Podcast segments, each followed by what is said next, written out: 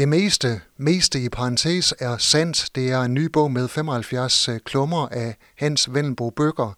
Hans Vendelbo, hvad er historien bag de her klummer? Ja, det var oprindeligt en række klummer, som øh, jeg skrev til øh, Hirtals Bindslev Avis i 2012-16. Og øh, jeg var dengang blevet spurgt, om jeg ville være meddeler og fortælle lokale nyheder i uavisen. Og det ville jeg sådan set gerne, men øh, jeg tænkte, hvad, hvad, hvad får jeg ud af det? Så jeg bad om at få lov til at få plads til at skrive en klumme, og øh, jeg vil have helt frie hænder til at gøre med den klumme, hvad jeg havde lyst til. Og det fik jeg. Hvorfor skulle 75 øh, af de her klummer så udgives i bogform? Jamen på en eller anden måde, på en eller anden mystisk måde, så fik de øh, klummer, hvor jeg uge efter uge endte med at udstille mig selv og min egen familie, og ikke mindst min kones øh, sjove sider. De fik sit eget liv og voksede, både på mig, men også i, i befolkningen her i området. Så, så her, selv 10 år senere, så lever de klummer stadigvæk. Og øh, de har hele tiden ligget som en, en øh, stor øh, ballast og en, en, en stor øh, mængde af tekster, som jeg tænkte på en eller anden måde skulle udfries og ud og leve lidt videre. Hvad var den røde tråd i de her klummer, hvis der var en? Jamen, den røde tråd er jo, at jeg forsøger at opdigte og forsøger at indgyde dem, der læser med, en forståelse af, at jeg er tøffelhelt. Selvudnævnt tøffelhelt. Og allerede der, så er der noget helt galt.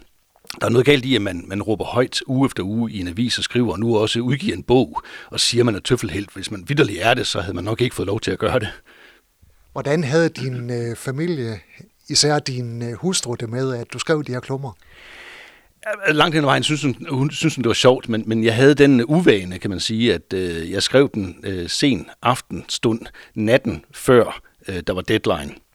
Min kone var gået i seng, og det vil sige, hun havde altså ikke nogen mulighed for at kunne læse eller vide om overhovedet, hvad jeg skrev om hende, øh, før ugen efter, altså om onsdagen, når der så var en avis på, på i postkassen.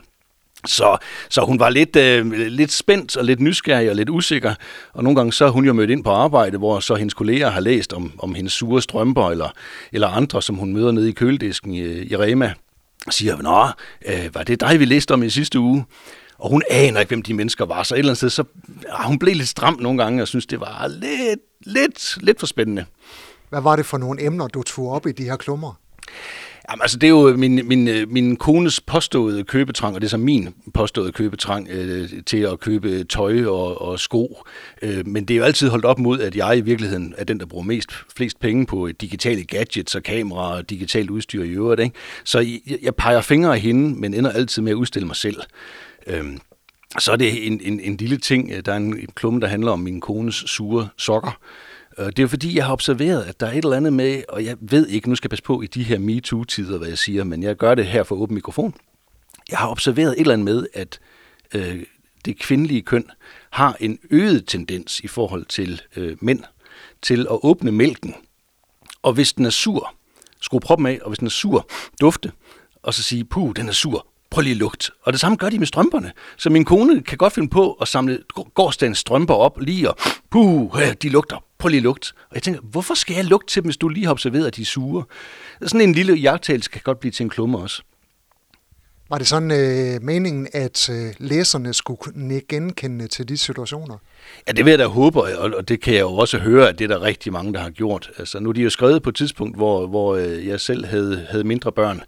Øh, så mange af klummerne handler også om det der med at få en børnefamilie til at gå op med logistik og kørsel til håndbold og spejder og fodbold og to liter sød på, på tilbud.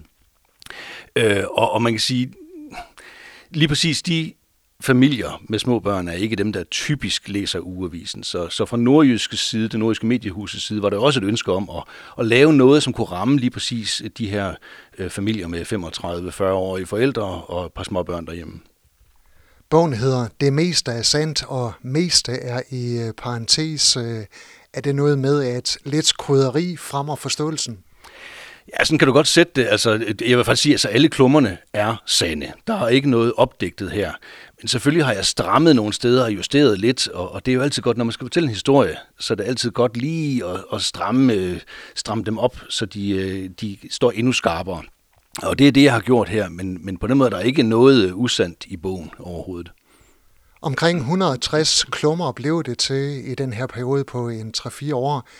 Var du aldrig presset sådan op til deadline? Jo, jo, jo, i den grad, og det er også derfor, jeg sad søndag aften mange gange og, og, og skrev dem. Og man kan sige, at et eller andet sted, så er det også en opgave at finde noget, som øh, kan bære og noget, som er relevant øh, for, for andre læsere. Man kan sige, så spændende et liv har jeg i virkeligheden heller ikke. Øh, så så der, de svinger lidt, og det er også derfor, at det kun er 75 og ikke 160, der er med i bogen. Jeg tror, der er nogen, der ikke kan bære et gensyn.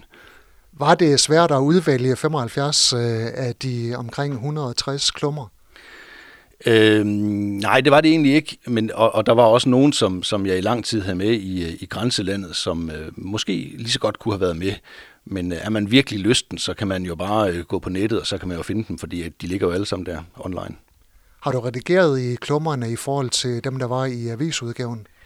Jeg har rettet et par, øh, par dummerniksfejl og et par slåfejl og stavefejl og rettet komma-hister her. Og så er der nogle af dem, som jeg har nødvendigvis måtte stramme en lille smule op, eller redigere en, en lille, eller, eller nedtone en lille smule. Så ja, hvis man virkelig er spidsfindig og vil gerne vil være øh, krydstjekke, så, øh, så kan man godt øh, gå på jagt i de gamle originalklummer også. Hans, øh, du har fået, eller afslag fra Frank Vam og Niels Havsgaard på at skrive øh, forord til bogen, men de her afslag, de er også med. Ja, altså fordi på en eller anden mystisk måde, så, øh, så er selv afslagene, de fungerer pludselig som forår på den måde. Jeg, jeg, jeg tænkte, et eller andet sted, så er hele universet her jo med mig selv som selvudnævnt tøffelhelt. Det er jo en, øh, om ikke en kopi, så i hvert fald lægger sig kraftigt op af, af Frank Vams klovnfigur i, i øh, tv-serien. Så jeg tænkte, han er den rigtige til at lave det her forord. Så jeg, jeg skrev et meget, meget slæsk brev til ham, hvor jeg fedtede godt og grundigt for at spørge, om han ikke vil lave det her forord. Og øh, han skrev meget, meget, altså en, en meget høfligt tilbage, at øh, han øh, var glad for, at Nordjylland nu havde fået sin egen klovn. Selv holder han Københavnerskansen, øh, men han simpelthen ikke havde tid, fordi han var på vej mod New Zealand, det her det er et års tid siden, øh, med familien og trækker arbejdsdækket. Øhm, men prøv lige at spørge Niels Havsgaard i stedet for, skriver han så. Og så tænkte jeg, okay, så gør jeg det det. Og så spurgte jeg Havsgaard, og Havsgaard skrev tilbage, øh, hold da op, du skriver godt og flot, øh, men jeg forstår simpelthen ikke noget på humor. Jeg kan skrive en, en forord til en bog om dansk politik eller hesteopdræt, men ikke til en kollegas værker. Og så var jeg jo solgt igen, altså når Havsgaard kalder mig kollega. Øh, men prøv lige at spørge din kone, det er på tide, hun får ordet, skriver Havsgaard så.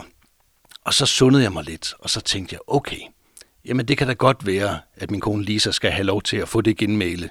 Så øh, det egentlige forord er skrevet af min kone, øh, og de to afslag er selvfølgelig med i bogen også. Og så øh, kom din hustru altså også øh, til ord her til sidst. Øh, hvad skriver hun? Jamen, hun, øh, hun skriver lige, faktisk lige præcis det der med, at, at hun øh, hver eneste uge har været ret nervøs for at åbne den avis. Øh, men nu her 10 år senere, så ligger det jo som en, en, en, et manifest over et levet liv i en børnefamilie. Øh, så hun egentlig synes, at, at de er lidt sjove i dag. Så hun har givet mig tilgivelse for de fleste, og resten, det må jeg klare med hende i eftermiddag. Hans, du fejrer udgivelsen af den her bog med de her 75 klummer med en øh, bogreception et let usædvanligt sted. Jamen, det, det er jo simpelthen over køledisken med de frosne ærter og majs i øh, Rema 1000 øh, i Hirtals på Banegårdspladsen. Og det er simpelthen fordi, lige præcis der har min kone adskillige gange mødt folk, som har lænet sig ind over disken og spurgt hende, Nå, er det dine strømper, vi læste om i sidste uge? Øh, og det må hun jo så sige, det var. Hun anede ikke, hvem de her mennesker var, men de vidste jo godt, hvem hun var, fordi hun var gift med ham der, der skrev de her klummer. Så øh, man skal jo rejse sig der, hvor man ikke faldt, men der, hvor øh, klummerne blev stoppet, fordi oplevelserne i Rema 1000 var faktisk med til, at jeg egentlig stoppede med at skrive de klummer i 2016. Men øh, nu er de tilbage. Og det er så lørdag den 18. november, der er bogreception i Rema 1000 i Hirtshals. Det meste er sandt, 75 klummer om livet som selvudnævnt tøffelhelt. Hvad skal vi bruge den til? Forhåbentlig til at have bare en lidt sjovere dag. Du har lyttet til en podcast fra Skager FM. Find flere spændende Skager podcast på skagerfm.dk eller der, hvor du henter dine podcasts.